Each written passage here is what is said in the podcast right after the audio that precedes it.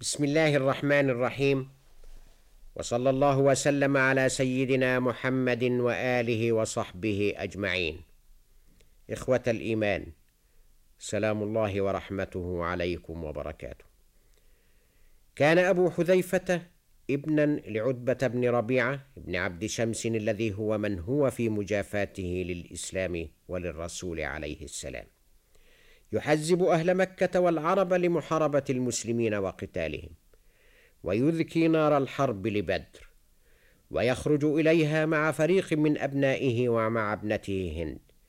لا يشذ عنهم سوى ابنه أبي حذيفة الذي كان في صفوف المجاهدين في ذلك اليوم.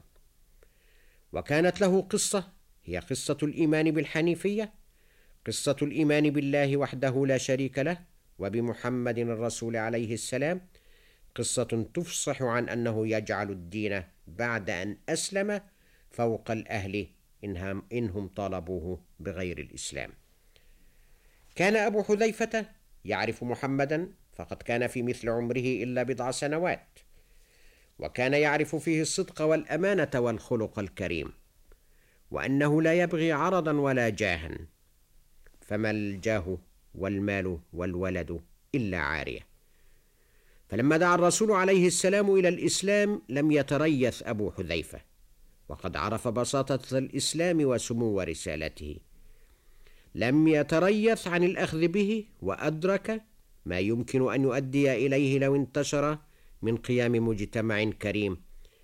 الناس فيه سواسية لا يخضعون إلا لرب واحد هو مبدع كل الكائنات.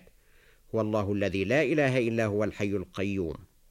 لا تأخذه سنة ولا نوم له ما في السماوات وما في الأرض. جل عن شبيه وتنزه عن أن يكون له ولد. ومن ثم سرعان ما جب أبو حذيفة جاهليته وشركها ليبدأ من نفسه أبا حذيفة جديدا. ليس له إلا سعيه وأن سعيه سوف يرى. أسلم أبو حذيفة فكان من أوائل من دخلوه طواعية وفهما وتبصرة. وكان ذلك قبل أن يدخل الرسول الكريم دار الأرقم. وقال البعض عنه إنه كان الرابع والأربعين في عداد سلسلة طالت بحمد الله واتسعت حتى عد أتباعه بالملايين. ورحب به رسول الله أخا في الله. ورأى أبو حذيفة في صحبة الرسول ما ينسيه أباه وإخوته المشركين. وإن كان يرجو لهم جميعا الهداية. وحسب أبي حذيفة أن يعرف طريقه إلى الإسلام وما عليه ممن كفروا بآيات ربهم وإن كان لهم عذاب من رجس أليم. واشتد ساعد الإسلام بإسلام أبي حذيفة الذي استجاب للرسول فهاجر إلى الحبشة الهجرتين ثم عاد إلى مكة فأقام بها ما أقام حتى هاجر إلى المدينة واستمرت صحبته للرسول عليه السلام فكان من فضلاء الصحابة. رضوان الله عليهم اجمعين. هاجر أبو حذيفة ومعه مولاه سالم وزوجته وابنه الذي رزقه بالحبشة. هاجر ليشهد بدرا واحدا والخندق والحديبية. وليكون له في كل منها موقف محمود. فهو يهم في يوم بدر بمبارزة أبيه الكافر عتبة بن ربيعة فيمنعه النبي من ذلك ويترك أمره لنفر سواه فأعانهم أبو حذيفة على أبيه. قيل بضربة منه. فأزعج هذا خاطر أخته هند زوجة أبي سفيان فهاجته حاقدة ورمته بأنه كان شر الناس في دين الجاهلية وما علمت أنه كان من خير الناس في دين الحق الذي اعتنقته هي فيما بعد وإن جاء اعتناقها إياه متأخرا.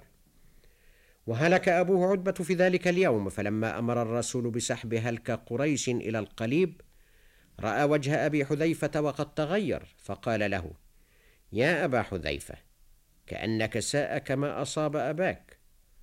فنطق الإيمان على لسان أبي حذيفة المؤمن يقول لا والله يا رسول الله ما شككت في أبي ولا في مصرعه ولكني كنت أعرف من أبي رايا وحلما وعقلا وشرفا فكنت أرجو أن يهديه ذلك إلى الإسلام.